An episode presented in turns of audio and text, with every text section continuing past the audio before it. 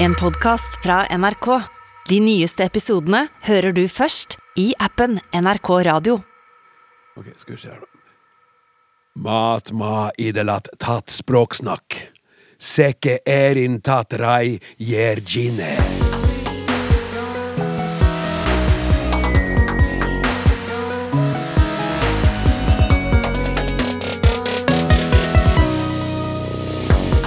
Mange av oss lagde egne tullespråk da vi var små, men noen studerer det faktisk også som voksne.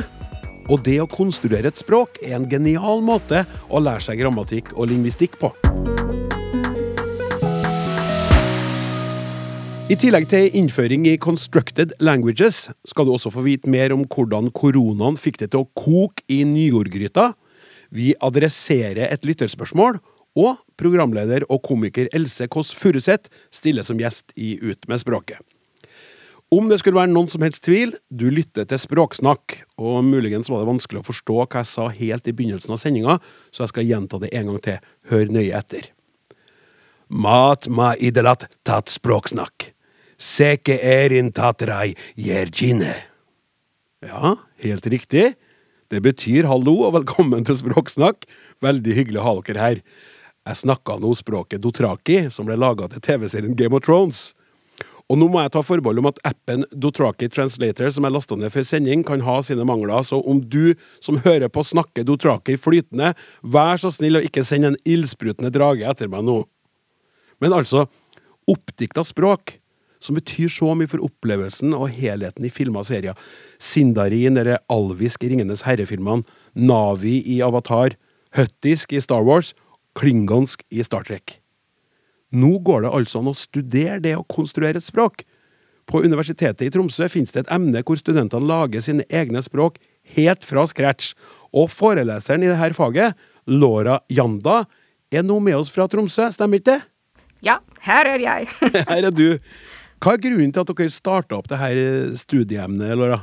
Ja, så uh, jeg hadde sabbatår, og jeg traff, da jeg var i USA, jeg traff David Peterson, som er uh, den som laget uh, Dothraki og, og også andre språk for slike serier. Altså, du har møtt han som har laga språkene i Game of Thrones? Ja, ja det, var, det var David Pe- Peterson.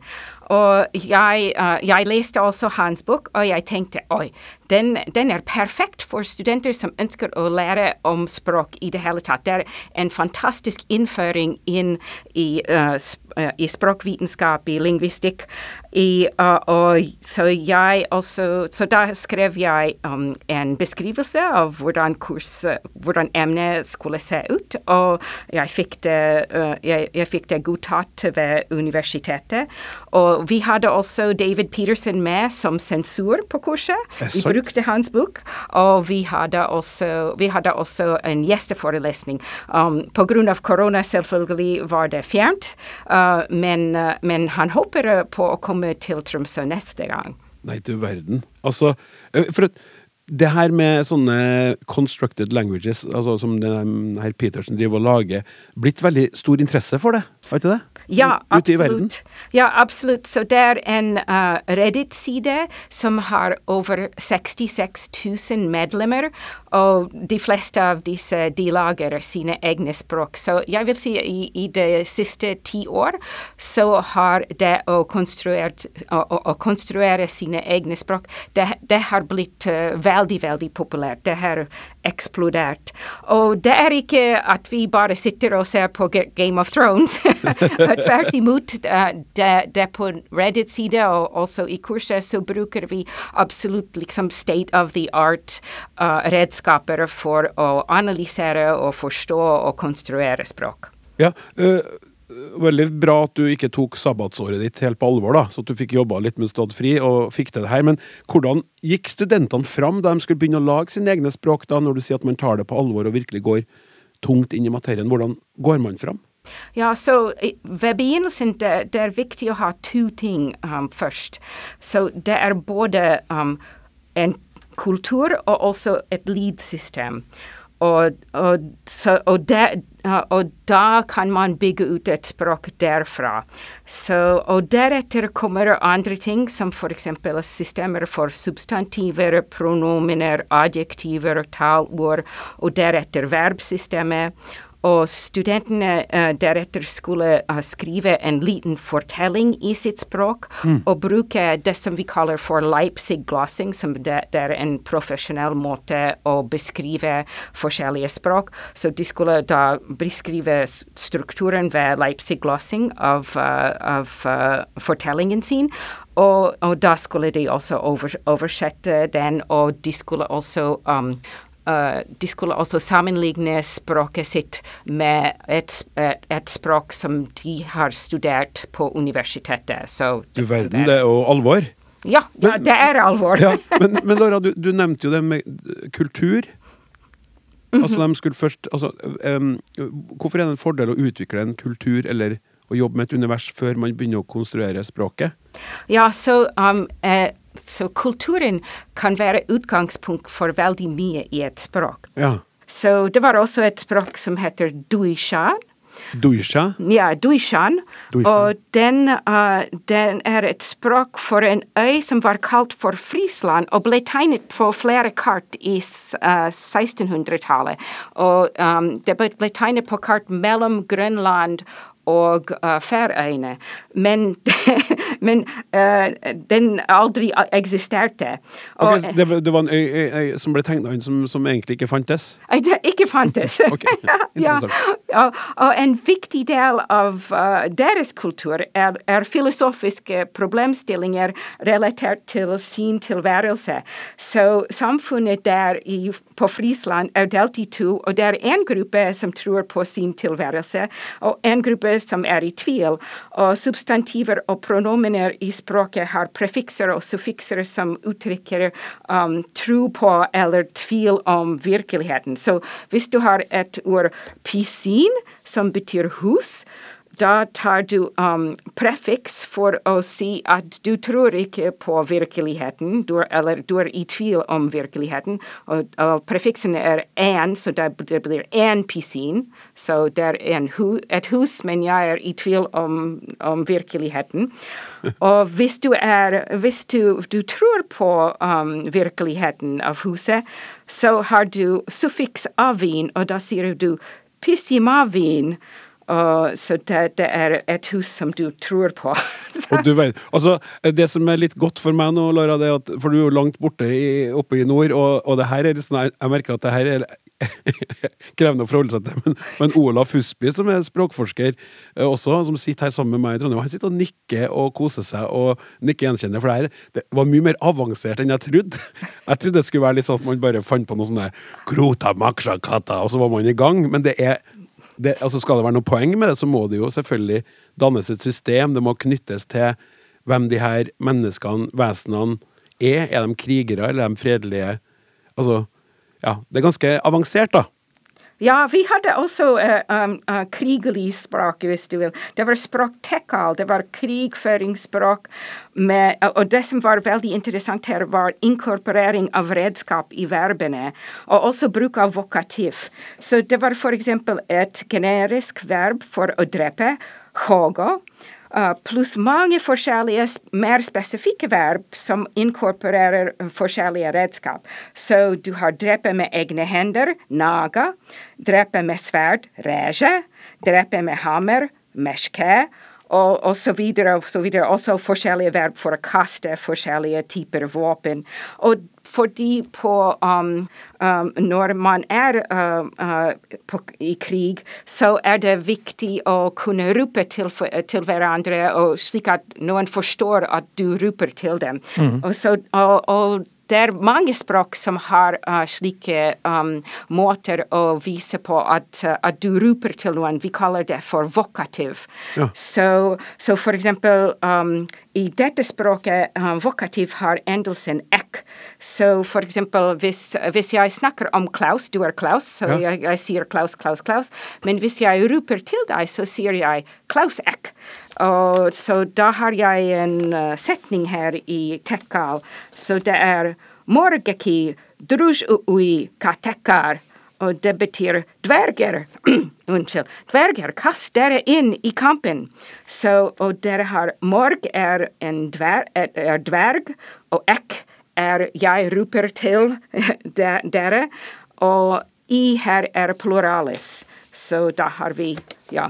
jeg skjønner. Eh, altså jeg, blir hensa, jeg, jeg lager bilder foran meg nå. Jeg ser for meg scener, og, og Olaf satt med liksom knytta nevene og mana til kamp. Eh, for, for, Olaf, du, du, er jo fonetiker også, og kjent, kjent igjen det her voka, vok, vokativ. vokativ ja. eh, men nå, nå driver du og skriver på en bok for barn om hvordan man kan konstruere språk. Mm. Jeg skulle ønske at du hadde starta med tidligere, for jeg elska å holde på med sånt da jeg var liten, men jeg skulle gjerne hatt en, en, ekstra dytt. Hva er det du foreslår at barn skal begynne med? Hvis de skal liksom være ja. Sånn som boka er oppbygd, så starta jeg med de, de minste enhetene i språket. Altså vi starta med språklyder.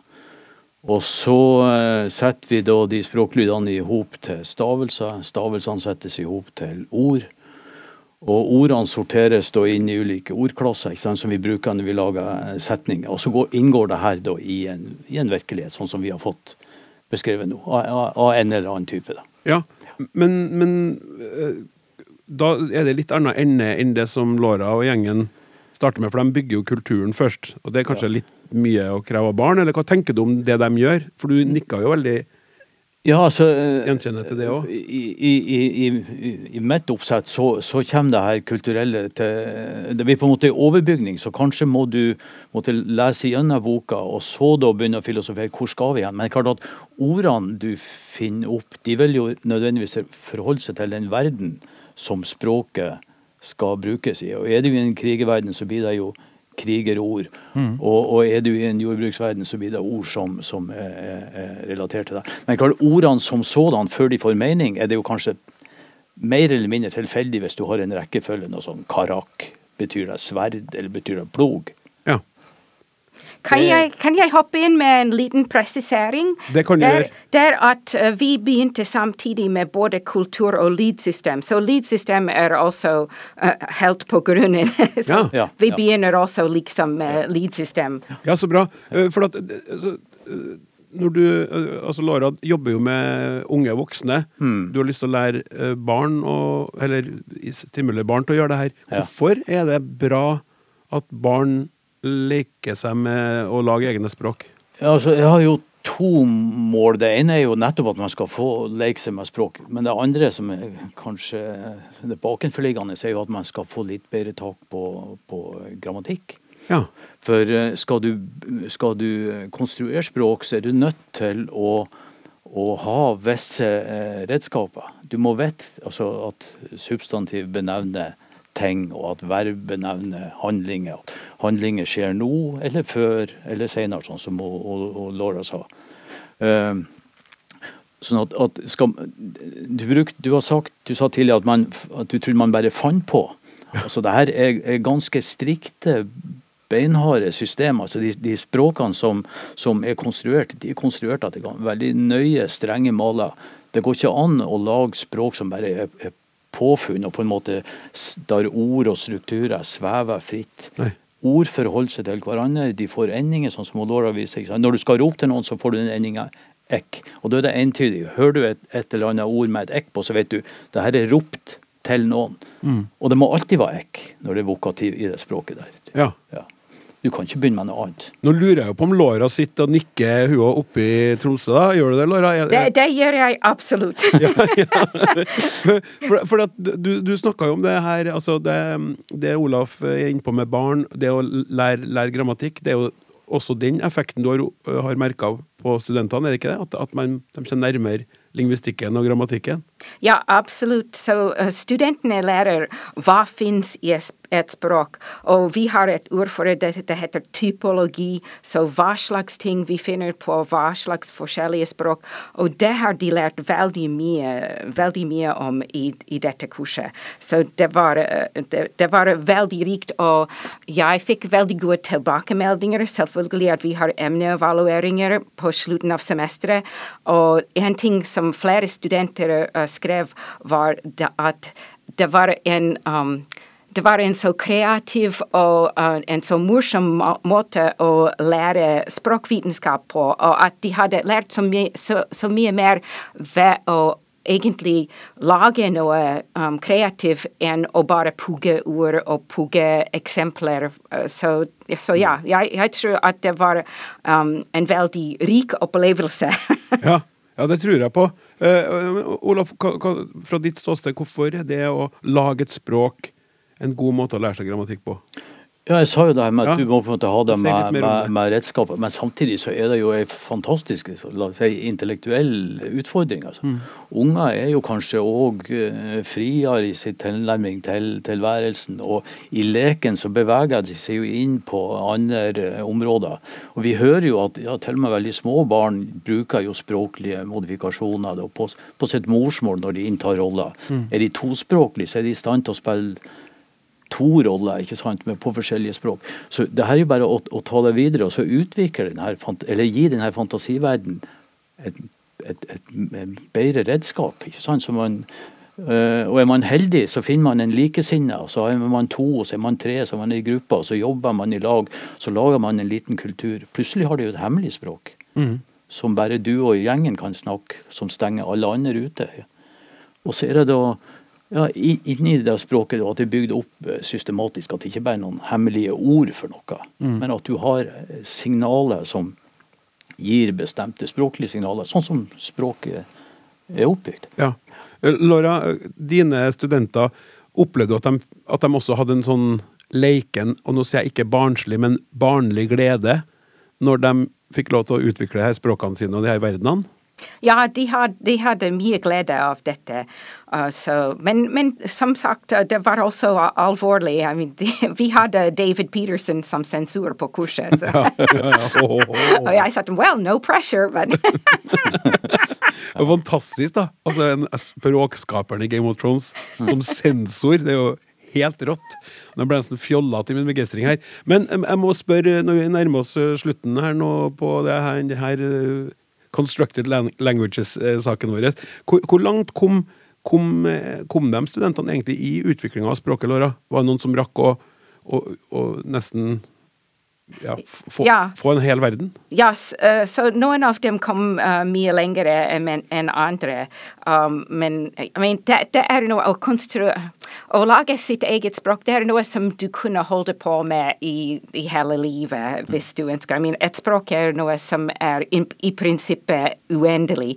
So, men, um, men, målet i kurset var bare, jeg vil si bare, bare å um, lage eh, nok av et et språk for uh, å, å, kunne skrive en liten fortelling og, og også svare på noen um, små oversettelsesøvelser.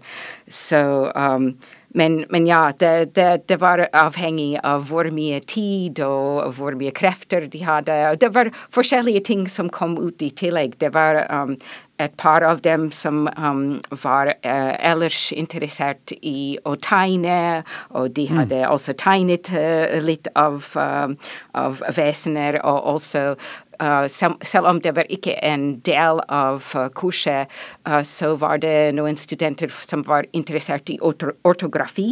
Ja. I å lage skrivemåter for, for sine vesener. Og ja, så det var Ja, for det er jo så flott i 'Ringenes herre', det er alvisk. Mm -hmm. Det er jo så vakkert. Ja, ja. Men, men, hva sa Mr. Peterson, da? Hva syns han om standarden på språk... Eller språkskapinga til de her studentene? Var han fornøyd?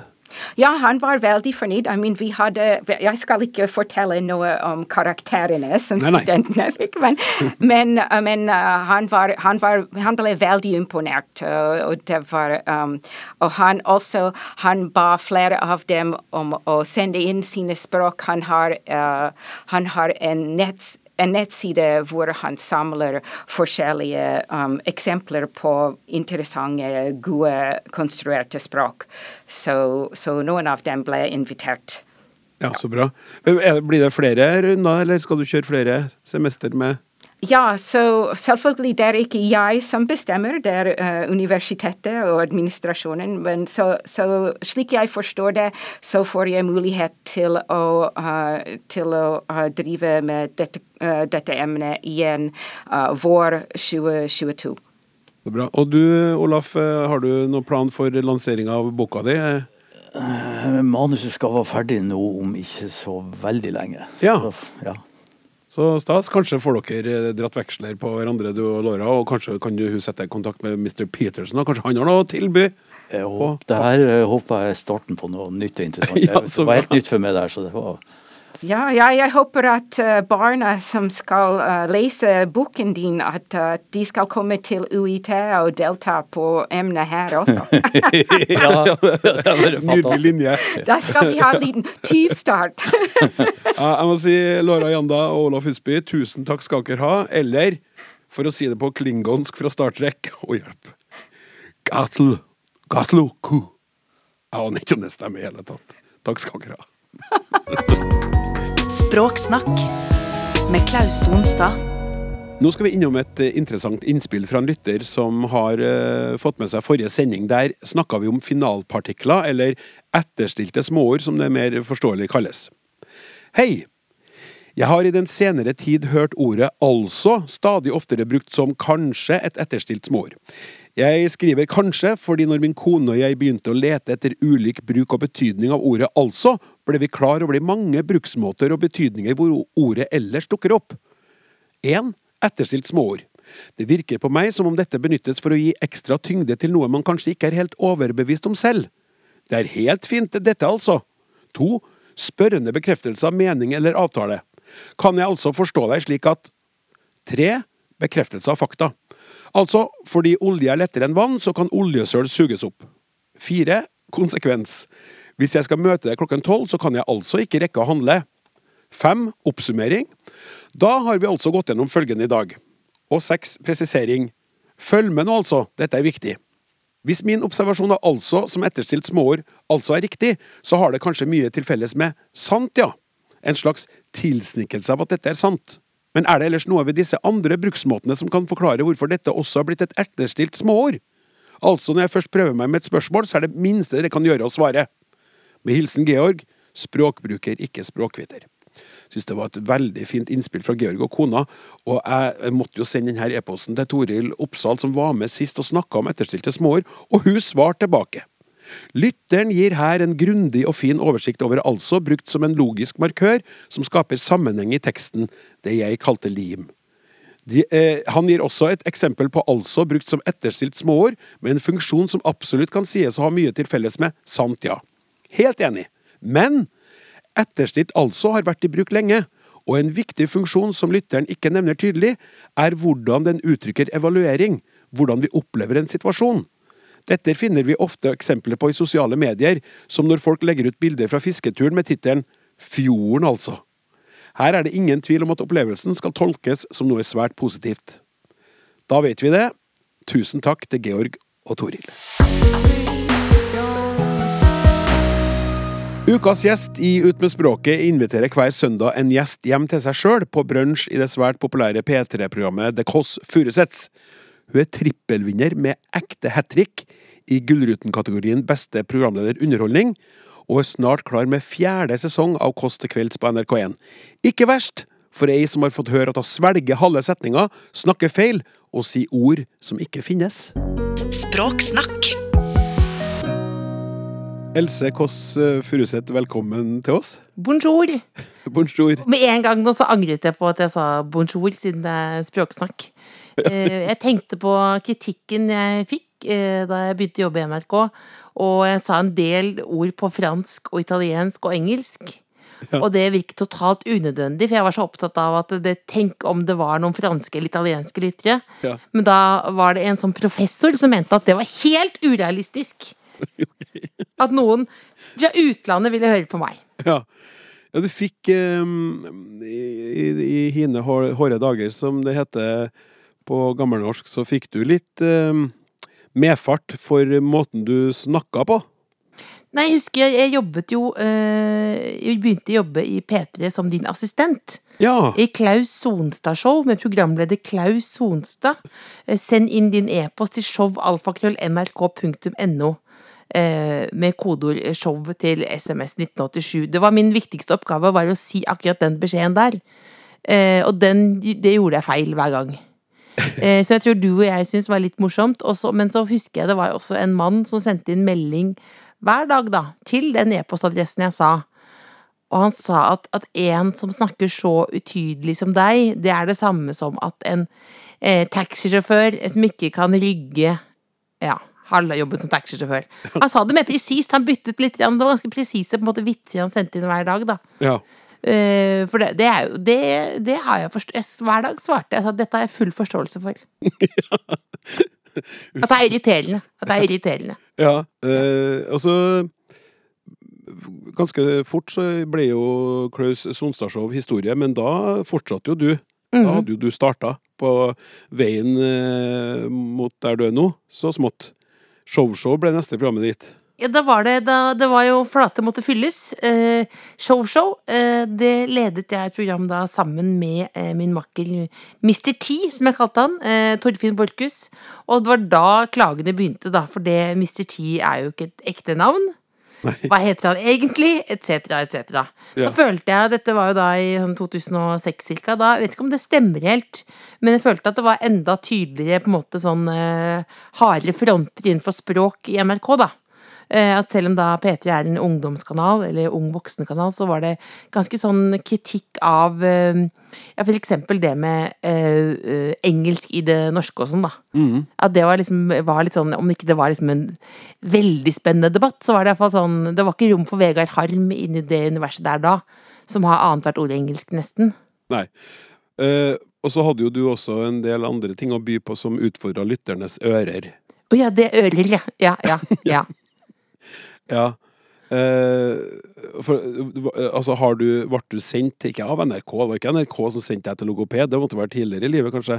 Eh, Det skulle, skulle tro det, skulle tro det, men det var NRK, ja. Det var, eh, men det var ganske sånn med sånn glimt i øyet, men det var vel en sånn eh, Se liksom, er dette mulig å gjøre noe med, da?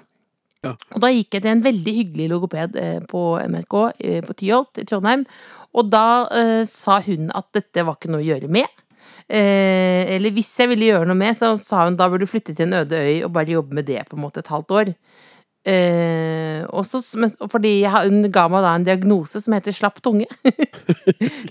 og, så, eh, og så sa hun at dette tror jeg kommer til å gå greit. Eh, en tilvenningssak muligens for noen lyttere. Eh, og så eh, at jeg kunne ikke få jobbe i nyhetene noen gang. Nei. Og Da husker jeg hun brukte det eksempelet at for eksempel hvis det brenner på Røros, da, og så skal jeg si nå brenner det på Røros, da liksom På det verste, da. Så da da ville det bli vanskelig for folk å vite, og det kan jo være en viktig beskjed. Men hun sa vanligvis så snakker du vel om ting som ikke er så viktige, og der hadde hun jo rett. Ja, den gangen kanskje, men uh, alle vet jo det at uh, senere så ble det kjempeviktige ting du snakka om med den stemmen du har. Og det er jo litt sånn, Else, at uh, en av de tingene som fascinerer med deg, blant de mange, er jo at du, sånn som det du gjorde nå, du, du snur jo de her tingene som, som folk påpeker. Sant? Ja, noen kommenterer r-ene dine, og så kjører du på med 'det brenner på Røros' på ditt vis. Altså, du har en egen evne til å ta det og snu det og ta kontroll over det sjøl. Ja, og så er det jo ikke det. Jeg har ikke noe Jeg har ikke noe annet språk. Nei! Eh, Jeg, jeg kan, men, sånn som, men, men, men jeg har ikke tenkt noe på den R-en egentlig, så da tror jeg bare det mm, den, det, det, altså snur på det. Det har ikke vært så veldig bevisst. Jeg var på videregående, jeg på en måte fant ut at jeg hadde en talefeil eh, da jeg var eh, spilte ammen i og Julie, og så skulle jeg si 'hunden knurrer'. Hunden knurrer. Eh, og så lo alle av det, på en måte, og det var da jeg skjønte at det var på en måte, det kunne være gøy, tror jeg, på en måte, muligens. Ja, Eh, ja. nettopp. Ja.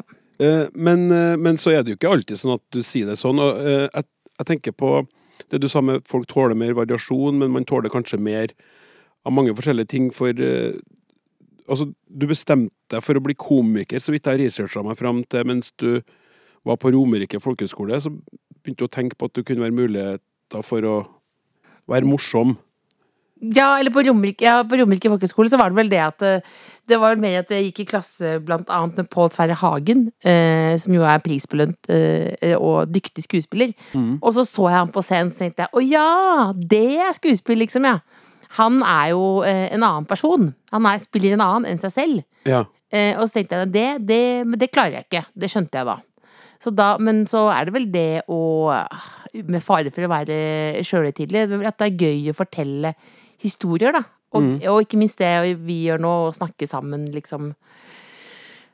Nå jeg skammer meg når man skal beskrive det man gjør, men jeg har vært også en sånn, jeg har blitt ganske mye evaluert, og da er vel det en dialog? Er ikke det en dans da, Klaus? Jo, jo, Er ikke det en dans? jo, det er en dans. At det er den dansen, og at man tilpasser seg hverandre, og da er det hvor mye kan vi tråkke på tæra, på en måte? Ja, altså Akkurat passe mye. Ja, akkurat passe mye. Det, altså, det Nå skammer jeg meg. For Hvorfor det? ut- Nei, det, jeg syns det er dumt at folk sitter i P2 og snakker om, øh, om dette. Da, eller jeg syns ikke det er dumt at andre gjør det, men at jeg snakker om jobben min på denne måten her.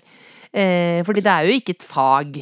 Eh, som, det, er- som pappa pleier å si, dette er jo ikke hjernekirurgi.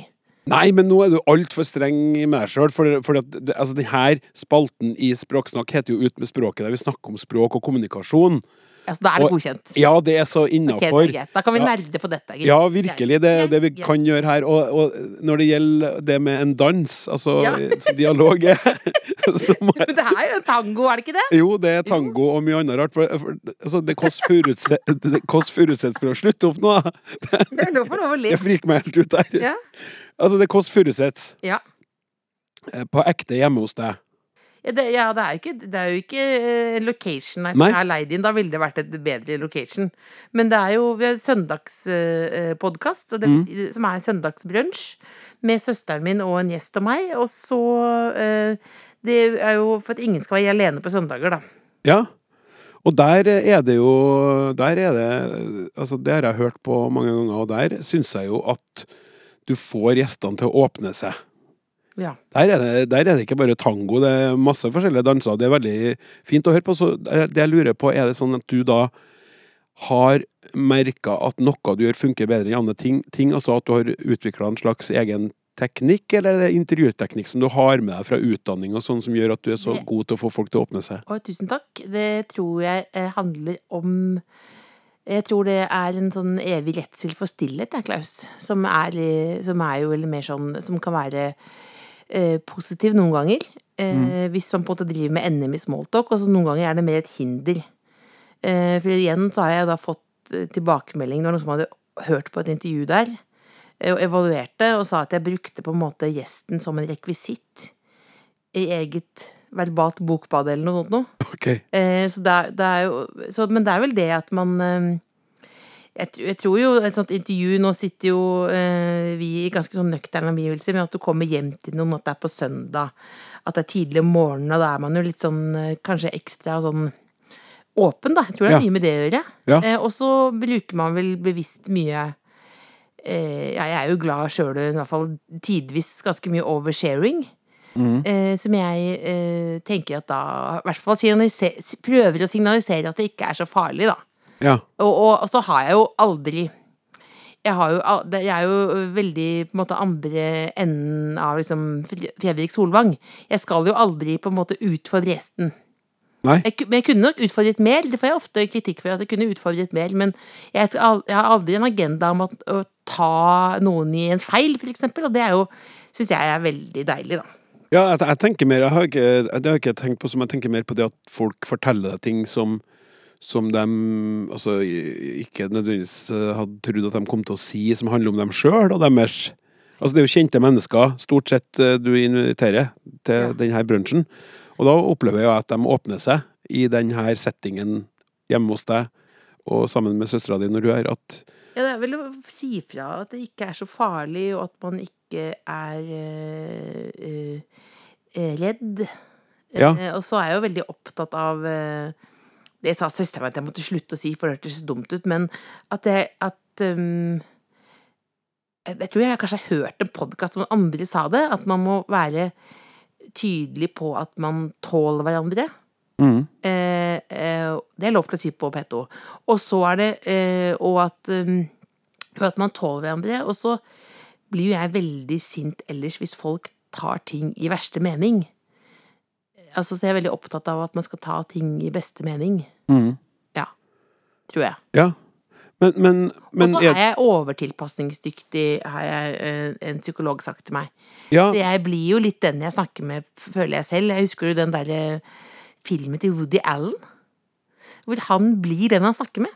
ja, hva heter den igjen, Jeg trodde det var en dokumentar, og så var det noen som sa det er ikke en dokumentar.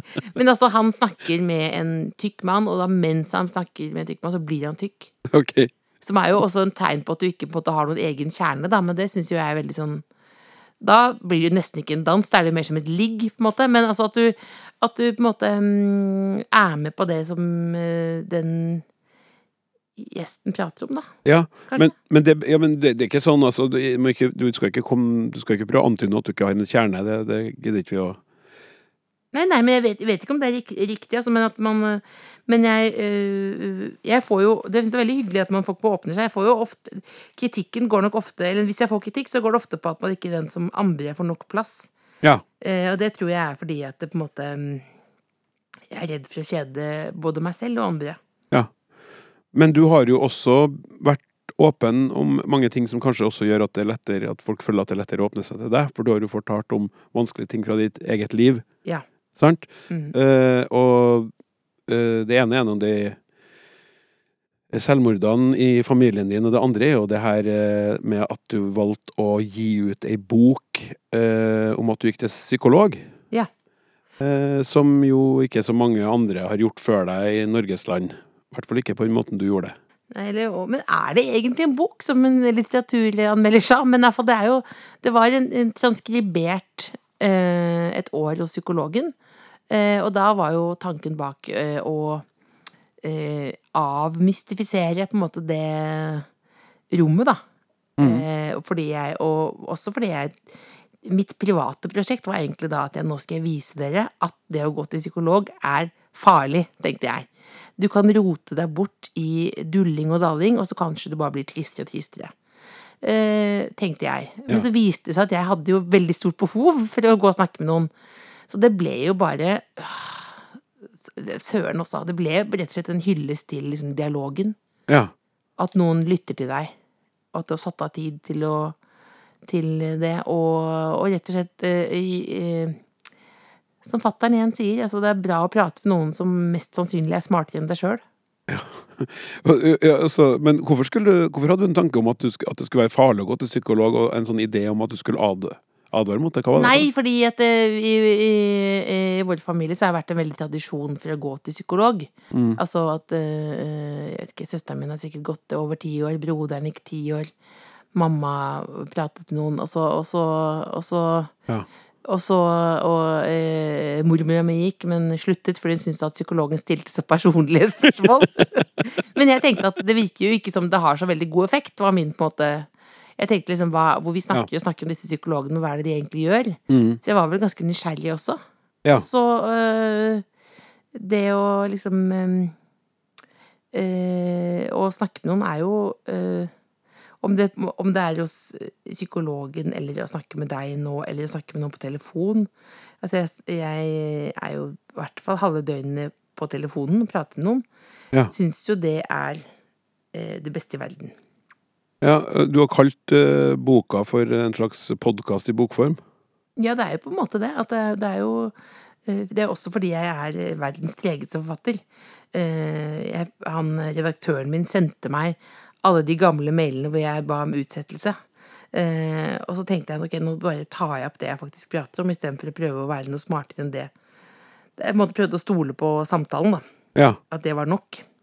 ja og, og da syns jeg det er ganske artig at en sånn, når en sånn bok skal bli lydbok Ja, det var, den var jo det eh, med maken til oppi egen ræv, igjen, som eh, fatteren sa. At det var, først gikk jeg til psykolog, og så tok jeg det opp, og så transkriberte jeg det, og så leste jeg det inn på nytt igjen som lydbok. Men det har truffet bra? Jeg tror det eh, I hvert fall det var jo eh, I hvert fall for min del en sånn eh, øyeåpner at det Nå er vel det litt sånn Ikke så skummelt lenger, men øyeåpne på det at det, eh, at det ikke er noe farlig. Eh, for, for da er det sånn at noen kan si som psykologen min sa og sånn, men jeg gikk jo veldig i terapi i smug, da. Ja. Sa at jeg skulle på yogatime. Eh, og så var etter hvert så bare Fader, så mye du driver med yoga, liksom. Det virker ikke som det er sånn kjempeeffekt. Men jeg gikk rundt med sånn yogamatte. Som jeg ikke brukte til noe som helst. Men så gikk jeg jo egentlig da og prata og prata, prata, prata, da. Ja. Det, det sto i en anmeldelse at for alle andre enn Else ville denne åpenheten blitt patetisk. Ja, det var Ja, ja det Mm. jeg, er, vet ikke om det er et kompliment, men det Men eh, eh, ja, jeg Altså, den åpne nå, nå i 2021 så kan man jo, i hvert fall jeg, noen ganger bli møtt med sånn Er det nok åpenhet nå, og sånn. Mens jeg tror jo at eh, eh, Jeg tror ikke vi må undervurdere hvor mye de fleste vil skåne andre. Så det at hvis du ikke har det så bra, så det at det skal være hemmelig, det tror jeg er liksom en veldig sånn rask eh, slutning mange tar, da. Ja. Eh, Så, det, da, så tror jeg da Det vet jeg ikke om stemmer, men jeg tror for eksempel eh, ja, moren min som døde i 1992, tror jeg kanskje ville hatt et lengre liv hvis ikke det, hun var så redd for at folk skulle få lov til å vite hvordan hun egentlig hadde det. Mm. Det pleier jeg å si, og jeg tror det er riktig. Eh, Det kan jeg jo ikke vite. Nei. Men, men, men du har jo eh, den, den der hva var det, var det en frokost du hadde hjem til sjøl, der du hadde åpen dør? Ja, jeg hadde åpent hus. Åpent hus. på verdensdagen for uh, selvmordsforebygging. Ja. Uh, ja. Det var jo en uh, helt vanvittig greie. Ja, det var jo pre-korona, for det var da 800 inn- i det huset. Eh, Ikke én naboklage, faktisk. Det er helt utrolig. Eh, Men det var vel en sånn tanke bak det at ja, at jo flere mennesker man på en måte presser sammen Det høres veldig rart ut å si i den tiden vi lever nå, men at jo flere ganger man liksom er sammen, da, jo ja, bedre har vi det. Ja. Ikke at det er sånn derre eh, Noe man kan skrive inn i en sånn handlingsplan for eh, liksom, eh, For å redusere antall eh, selvmord, men jeg tror det at At det å ja, være sammen Mm. Det er liksom i hvert fall Det er udiskutabelt uh, bra, hvis man, hvis man vil det, da. Ja. Det, dette er ikke, det er ikke tvangsopplegg. Nei, nei. Men jeg, jeg tenker Når du sier alt det her Altså, det må jo være Altså, du går litt i bresjen, og Du er åpen. Du deler. Du byr på deg sjøl. Du byr på dine ting. Er det noe du har kjent på som en pris med all den her åpenheten, eller lever du greit med det? Altså, det må jo komme noe som et vedheng til at du tar den støyten når folk sier det ikke er nok åpenhet nå. Nei, det tror jeg Det er jo liksom Akkurat ved tematikken her så har jo det verste skjedd, da. Ja. Og så var det jo det at jeg Det var rart å måtte leve et slags eh, dobbeltliv. Eh, altså, jeg var jo eh, veldig eh, mange år eh, redd for at eh, broren min skulle dø. Og det var jo ikke noe jeg snakket med noen andre om enn de aller nærmeste. Nei. Eh, så da var det eh, Når det da skjedde, så var det rart å fortsette med det dobbeltlivet. Eh, fordi Og så var det Dette var, er jeg jo veldig opptatt av, da. Så da mm, Litt sånn rart å snakke masse om veldig alvorlige ting på kvelden hjemme, og så bare liksom gå med parykk på dagtid. Ja. Eh, så, det, eh, så, da, så det at det ikke er så farlig At følelser ikke er farlige for Jeg trodde veldig det at følelser var farlige, da. Mm. I hvert fall Det var liksom min eh, største erfaring. Men den gangen åpenheten har sin pris, er hvis jeg deler noe, og så noen andre blir såret, da. Ja, ok. Det har jo skjedd. Ja, Så det, da tenker du mer på de andre enn deg sjøl? Ja, for det- dette er jo eh, Når man forteller om sånne private ting, så har man jo litt sånn hvitt flagg, på en måte, har man ikke det? Jo. Eh, og da kan man jo Det verste kritikken man kan få, det er jo sånn ofte dette kunne hun vært beholdt i dagboken sin. Men det har jo skjedd at jeg har delt ting som andre uh, ikke var informert om, eller Ja. Ja. Den kjenner jeg igjen. Ja. Uten sammenligning for øvrig. så- Ja, men det kan, det kan, det kan skje, og det, men det kan være litt sånn smått og stort, liksom. Både av de alvorligste og mindre ting. Men, men hvordan jobber du med sånn, Hvis vi skal snakke kort om den, den teksten til f.eks. kondolerer og gratulerer. Hvordan, hvordan jobber du frem teksten? Skriver du manus og sånn sjøl, eller improviserer du frem, og så er andre som fanger det ned? For at du sa jo du, du tok opp samtalen med psykologen, og så bare skriver du ned. Ja, nei, da, og, da, og tok bort det kjedeligste og det som kan såre andre, er det som er målestokken, da. Mm -hmm. uh, Hvordan jo- jobba du med forestillingene? forestillingen så jobbet jeg med eh, ja, Jeg lagde den forestillingen 'Kondolerer', som handlet eh, Som ble en ganske sånn kronologisk fortelling, egentlig. Mm. Som handlet om at det er lov til å leve videre. Litt sånn stor overskrift. Mm. Den, da skrev jeg den, og så øh, Jeg dro hjem til pappa. Og så satt jeg på et sånt eh, gjesterom. Litt kaldt. Eh, jeg liker veldig godt at det er litt kaldt, for da føler man at man liksom fryser seg tynn, hvis jeg har lov til å si. Og satt der og jobbet. Og så um, jobbet jeg veldig med uh, ikke verdens, men universets beste regissør, syns jeg. Arvid Ones Ja. fra Bergen. Uh, og da jobbet vi da med min tekst på gulvet. Ja. Altså jobbet i et rom, går i et rom og prater, da. Med det Ja. jeg har skrevet ned. Og så, og så blir det moderering der, på en måte. Og han er en sånn surpomp det er lett å bli glad i. Okay. Eh, så, det, så at det er sånn Vi er litt sånn motsetninger, at det noen ting jeg sier, så kan han si 'Dette var bra, du fikk delt med meg, for det skal ingen andre høre', for eksempel. det tror jeg det at, det at det er en rom for kritikk, da. Ja. Eh, Når det er sånn Når man er liksom litt ufaglært, så tror jeg det er veldig viktig med kritikk underveis.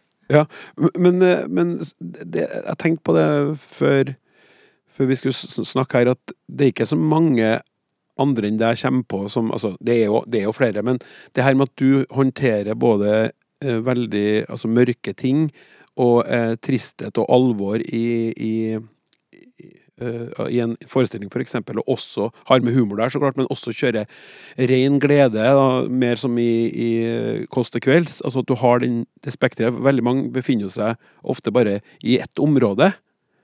Har du tenkt noe på det? At du, at du er sånn at du kan hoppe fra, fra alvoret og til den, til den derre lettheten? Det tror jeg mange gjør, Klaus. Bare at, eh, at jeg har fått lov til å gjøre begge deler. Ja, det var det jeg mente. Jeg tror mange gjør det, men, men Ja. altså, ja, jeg er enig i det. Men tror- du gjør det i det offentlige. Du, Ja, jeg tror at man Men jeg syns, jo det nå er veldig Jeg syns det er øh, veldig sånn Føler meg Bruker ordet privilegert, at jeg kan gjøre begge deler, da. Eh, fordi jeg syns det er veldig deilig å kunne eh, gjøre ting som bare er tull.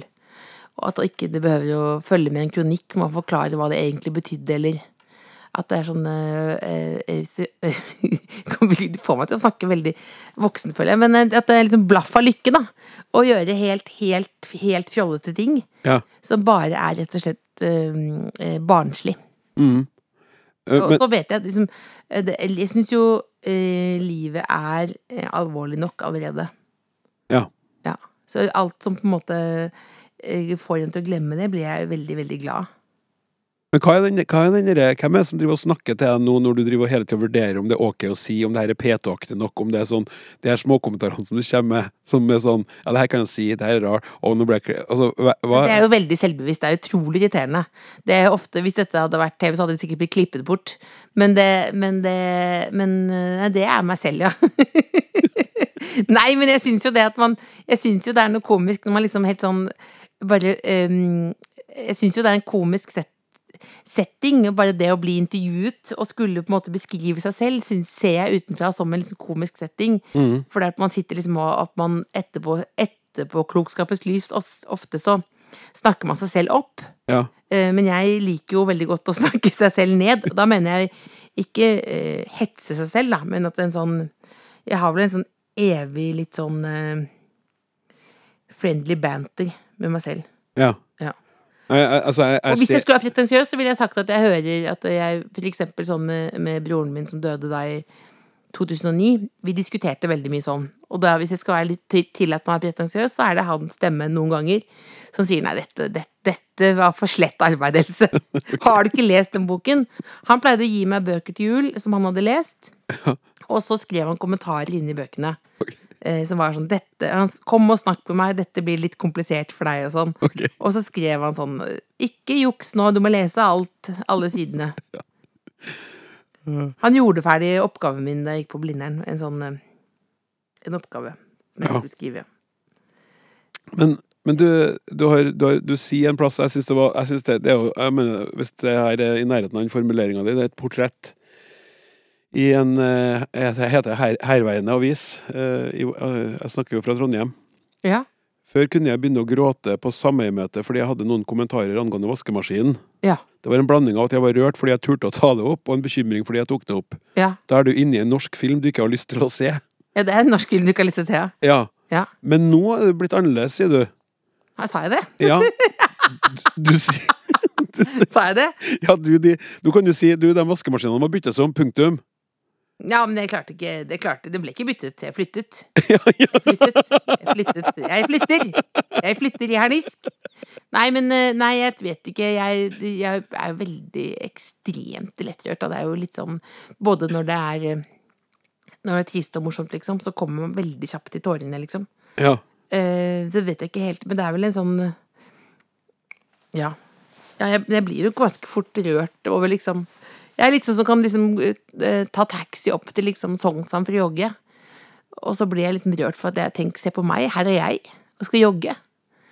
Og så tenker jeg liksom at da var jobben gjort. Da var jobben gjort. Hva da? Ja, da har jeg jogga. Så står jeg bare og ser utover Ja, okay. Sognsvann. Tenker sånn, det var da, da Herregud, se på meg, da. Ja. Jeg er klar, jeg skal jogge, jeg. Og så det ble jeg noen ganger så fornøyd at jeg tar ikke og jogger rundt. Jeg bare tar banen ned igjen. Ja. Konseptet. Tanken. Ja, Ja. tanken. Følelsen. Jeg hadde en idé om at jeg skulle gjøre dette. Ja. Ja.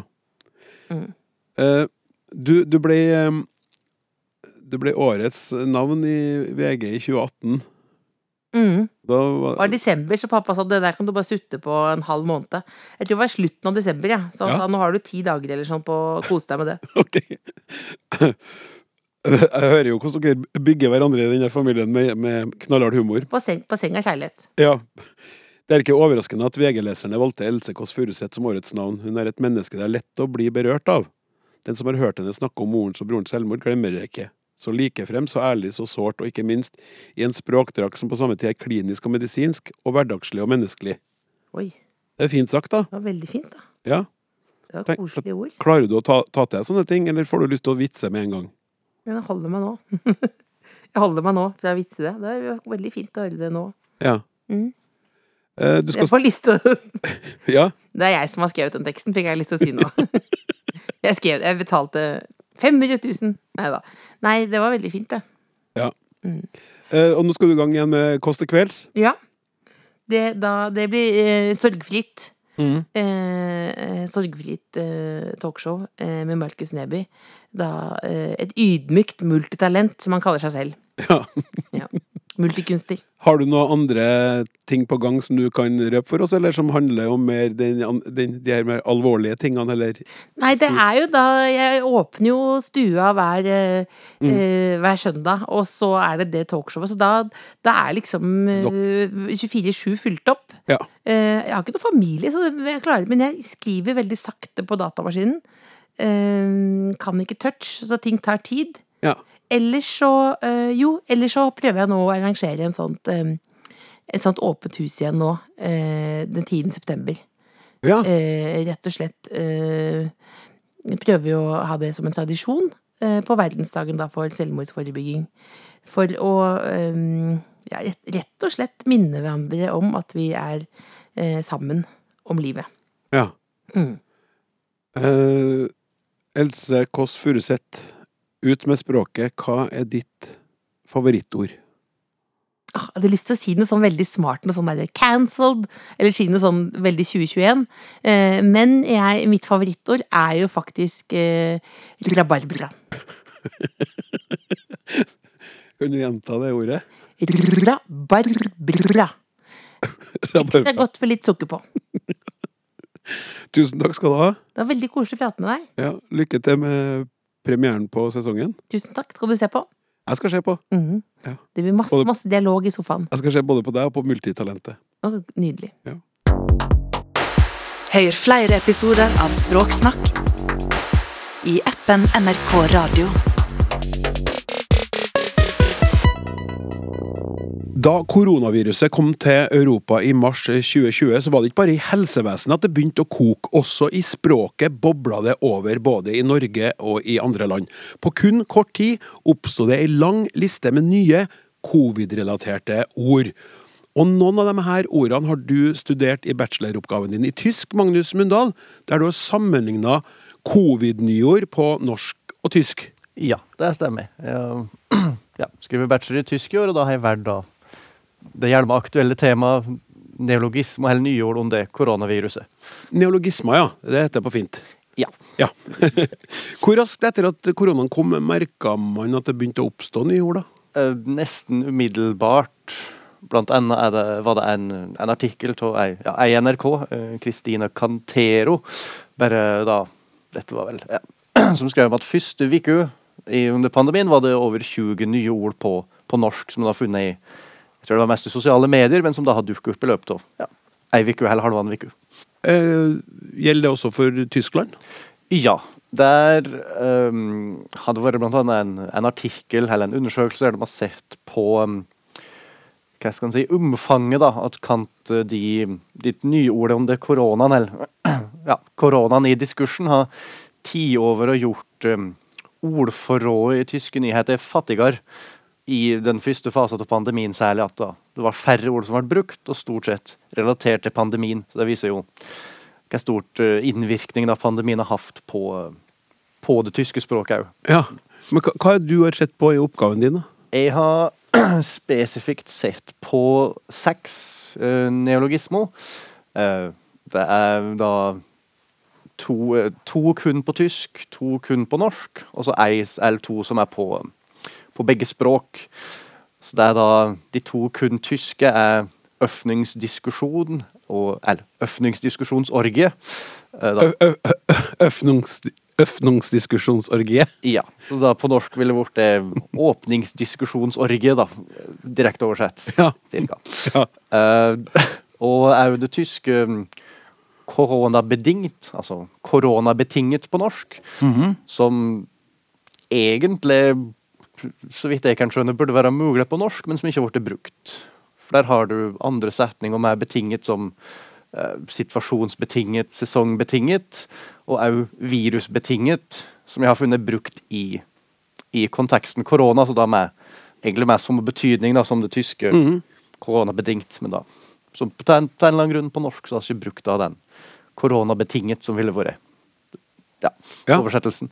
Og så har du to norske ord som du ikke har funnet på tysk? Nei. er, Den første er kanskje litt enklere å forklare. Det er koronadugnad. Det er jo, Dugnad er et norsk og norsk konsept. Du har vel på tysk et uttrykk som er eh, Gemeinschaftsarbeid, altså ja, felles arbeid eller samarbeid, men det, dugnad er et gjerne norsk uttrykk, egentlig. Mm -hmm. Så har du òg villsmitte, ja. som er et like, fint norsk uttrykk. Ja. Som Det er så trivelig med den villsmitten. Ja, ja. Både og, kanskje. Ja, både og, slept, som da ja, ikke har blitt funnet på tysk, men som der Der blir Altså den vil bli brukt helt likt på tysk, men jeg, jeg vil tippe det er noen forskjell i det tyske oversettelsen som er anstekung, At det ikke klinger helt bra på tysk. Okay. Der har jeg, har jeg prata med altså, personer med tysk morsmål som syns det høres feil ut med viltansteckung, da, den gjerne direkte oversettelsen. Ja. Mm. Og fellesordene?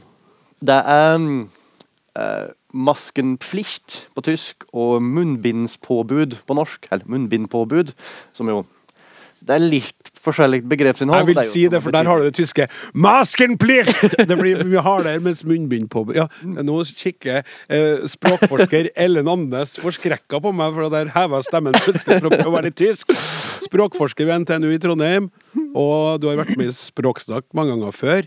Eh, hvilke forventninger fikk du som språkforsker da pandemien tok over eh, livene våre i mars i fjor? Altså jeg må jo si sånn I første omgang så var det litt andre ting som ruvet mer i bevisstheten. Litt sånn ikke sant, undring og bekymring og smittevern og sånn. Mm -hmm. Men det er klart, altså for meg som språkforsker så er det jo ikke mulig å ikke legge merke til hva som skjer språklig også. Og da var det ikke sånn at jeg liksom satte meg ned og tenkte nå skal vi se hva slags nye ord som dukker opp, eller om det dukker opp nye ord, for det tar vi for gitt. Ja. At det gjør. Spørsmålet er liksom ikke om vi får nye ord, men hvilke vi får, og hvordan vi lager og bruker dem, og hvilke som blir stående i da. ja. Og sånn gikk det jo òg, fordi vi fikk nytt samtalestoff og nye nyhetskategorier, smittetall, sykehusinnleggelser, kilder til smitte og sånn. Nye omgangsformer. Eh, hvordan hilse uten å ta på hverandre, hvordan smile munn, nei, med munnbind og sånn. Og selvfølgelig så endret ordbildet seg. Og noen ord ble plutselig veldig, veldig vanlige, sånn som maske og munnbind og hjemmekontor. Og noen fikk utvidet betydning. Det er jo koronaen. Et veldig godt eksempel på. Og noen helt nye dukket opp. Koronasveis og smittetrykk og superspreder og holde meteren. Ja, og så en ting, Ellen, som du kom med, og vi prata om eh, Jeg tror det nesten var det første språksnakkprogrammet noensinne. Zoom fatigue. Ja. Zoom-fatigue, ja. Ja. Altså rett og slett at man blir utmatta og utbrent av å sitte foran skjermen og ha forelesninger og foredrag og alt mulig Og sånn. møter og alt. Og ikke møte mennesker, sitte alene med fin skjorte på, og bare bokseren under. ja. Ja, det er helt sant. Men hva er egentlig et nyord? Altså, eh, nyord, eller neologisme da, hvis vi skal være fine på det og bruke det greske, det er altså ord som dukker opp. Med andre ord, ord som noen har eh, begynt å bruke, men som foreløpig ikke har vært brukt tilstrekkelig mye til å få status liksom som offisielle ord, sånn som kommer i ordboka. Mm.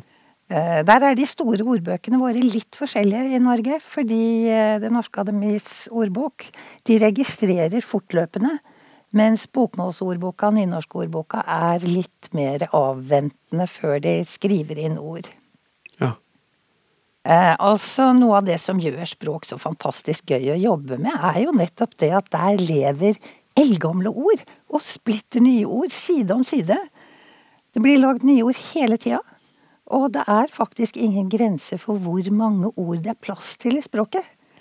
Eh, noen blir døgnfluer, de blir fort borte. Mens andre slår rot og kommer i ordbøkene etter hvert. Men, men hvordan oppstår nyord i sånne ekstreme situasjoner som den vi opplevde i mars 2020? da? Ja, altså de oppstår vel på akkurat samme måte som de gjør i eh, som de gjør i sin alminnelighet. Altså når mennesker har kommunikative behov, så finner vi løsninger. Ja. Og eh, Eller finner oppløsninger, da. Og vi bruker de fabelaktige mulighetene som språkene våre gir oss til å sette ord på nye hendelser og handlinger og fenomener og opplevelser og erfaringer. Og altså Et bilde på det er jo at noen opplever at eh, språket er litt hullete. Og så begynner vi å stoppe eller lappe. Ja. Det som er spesielt da i ekstremsituasjoner, det er at det oppstår så veldig mange språkhull på en gang. Ja. Eh, Sånn at vi får felles og ganske akutte behov for å lappe. Kan det være at man, hvis man er bevisst på det her, når det oppstår en sånn situasjon, at man bare begynner å bombardere øh, med, øh, altså nett og sosiale medier alt med sine egne forslag til nyår, at de rett og slett kan fanges opp på den måten? Absolutt. Og det, men det er det jo Altså, dette foregår jo egentlig bestandig, vet du. Ja. Fordi at en del mennesker som lever av språk, eh, journalister, politikere, reklamemakere, de er jo alltid ute etter eh, litt nye, litt sånn freshe uttrykksmåter. Noe som fenger, noe som får folk til å komme tilbake til det, og kanskje ta det i bruk. Men altså, vi må jo alltid tenke når det gjelder språk, både på det individuelle nivået og på det kollektive nivået. Og som individer så kan hvem som helst kan finne opp nye ord. Men så er det da Er de fengende nok og dekkende nok til at folk tar dem i bruk? ja. Det er det kollektive. For. Øfnungsdiskusjonsorgiet. Magnus, den, er, den, er- den svinger da av. Det Ja, for den, og den er jo Men kan du, du, kan du ikke si det på litt mer tysk enn jeg får til å gjøre, da?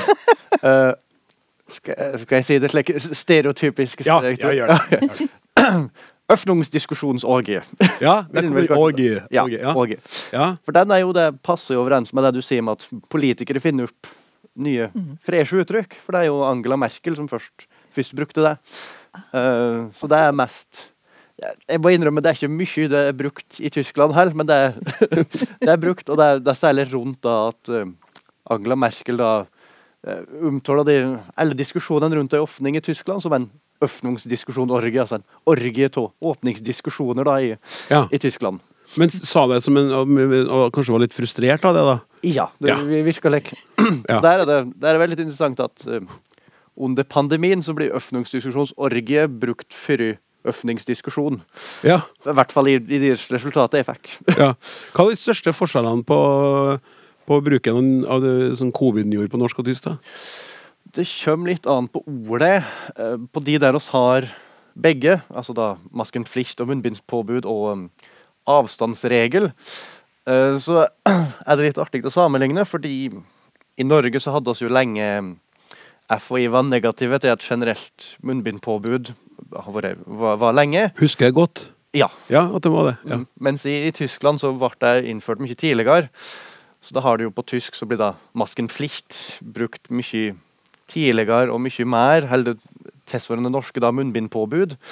Så der har du på, Så i Norge var det et større fokus da på, på avstandsregler. da, Både énmetersregel, tometersregel og det mer generelle avstandsregel. Så det en ser der, er at eh, på, på norsk så bruker en mest eh, énmetersregel og tometersregel ettersom hva som er gjeldende. eh, Og litt mindre avstandsregel. Mens på tysk så er det kun avstandsregel som blir brukt.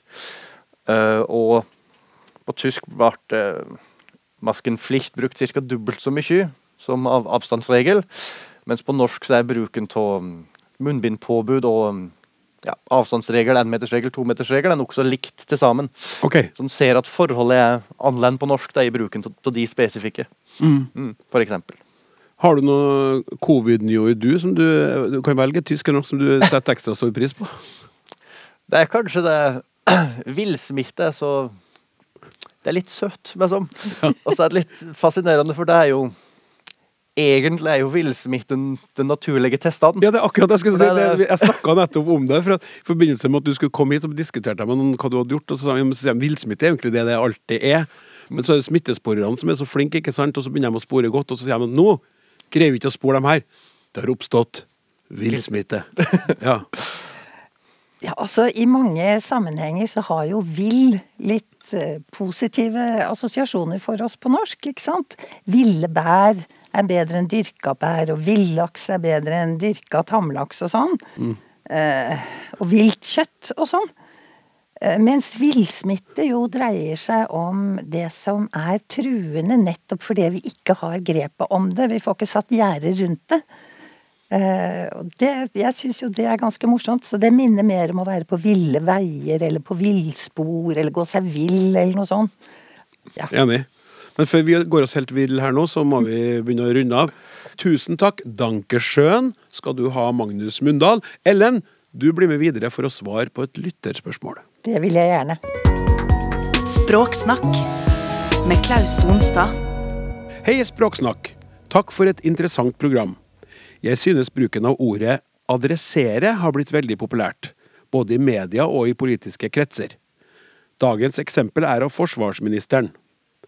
Eriksen Søreide framholdt at Sikkerhetsrådet samtidig understreket viktigheten av å opprettholde lov og orden og adressere det maktvakuumet som oppsto etter at afghanske sikkerhetsstyrker kollapset, fra Dagbladet tidligere nå i august, med hilsen Vidar Knutsen. Hva tenker du om Vidars eh, observasjon? Hvordan vil du adressere den, eh, Ellen? I første omgang så vil jeg si tusen takk til Vidar Knutsen, fordi at eh, det brevet hans, det fikk meg til å sjekke litt nærmere ting som jeg i grunnen har hatt liggende litt sånn bak i bevisstheten. Og da er det sånn at da jeg var barn, så var adressere noe jeg gjorde med konvolutter og pakker. Ja. Altså jeg skrev noens boligadresse på. Eh, og jeg har jo også lagt merke til, da, som innsenderen, at denne andre bruken av adressere er blitt ganske vanlig. Uh, og det var det jeg måtte undersøke litt nå, da. Uh, den var nemlig ikke så forbløffende ny og overraskende som jeg først trodde. Men altså, når Sikkerhetsrådet snakker om å adressere et maktvakuum, så skal de ikke skrive noe adresse på det. Eh, Da dreier det seg om å ta opp noe og bringe noe på bane og diskutere noe, eller ta fatt i det, gripe det an på en eller annen måte. Og eh, begge deler, både den gamle adresseringen og, og denne andre, har jo å gjøre med Altså, ordets opprinnelse det er fra fransk, da, av til og, og rette. Så det er å eh, dirigere noe, rette noe i en bestemt retning, da. Og da må jeg altså si at Arne Garborg, allerede i 1877 Arne Garborg? Arne Garborg. Han skrev, han skrev i en artikkel om den nynorske språk- og nasjonalitetsbevegelsen. Så skrev han at vi vil en opplysning som ikke binder menigmann i underdanig ærbødighet til boken, men nettopp adresserer seg like til ham selv i hans eget hverdagsliv. Ja. Er ikke flott, da? Det var veldig flott skrevet. Ja. Og da eh, Altså, dette brukes mye. Det brukes veldig mye sånn på engelsk. Men vi har også det med å henvende seg til, tale til noen. Eh, og altså, man har kunnet eh, Jeg vet ikke om vi gjør det nå lenger, men man har kunnet rette en adresse til Stortinget, for eksempel. Eh, Og dette er litt det samme som vi har. Vi bor jo her i Trondheim. Vi har jo ei avis som heter Adresseavisen. Yes, indeed. Og adressene, det var nettopp erklæringer Ja. til flere. ja. Eh, Så altså å henvende seg til, eller tale til. Men det er, ikke så, det er ikke så naturlig for oss kanskje i dagligtale sånn at man sier ja, men Ellen, det her må du adressere, før det tar helt av. Altså, du slipper å si det til meg, og jeg bruker det ikke sånn, men jeg har mange nære og kjære som faktisk gjør det. Og Ja. sånn er det med språk, ikke sant? Det, det blir vanligere, og da blir det også mer tilgjengelig for oss, og så plutselig så hører jeg jo sånne ting kommer ut av munnen min.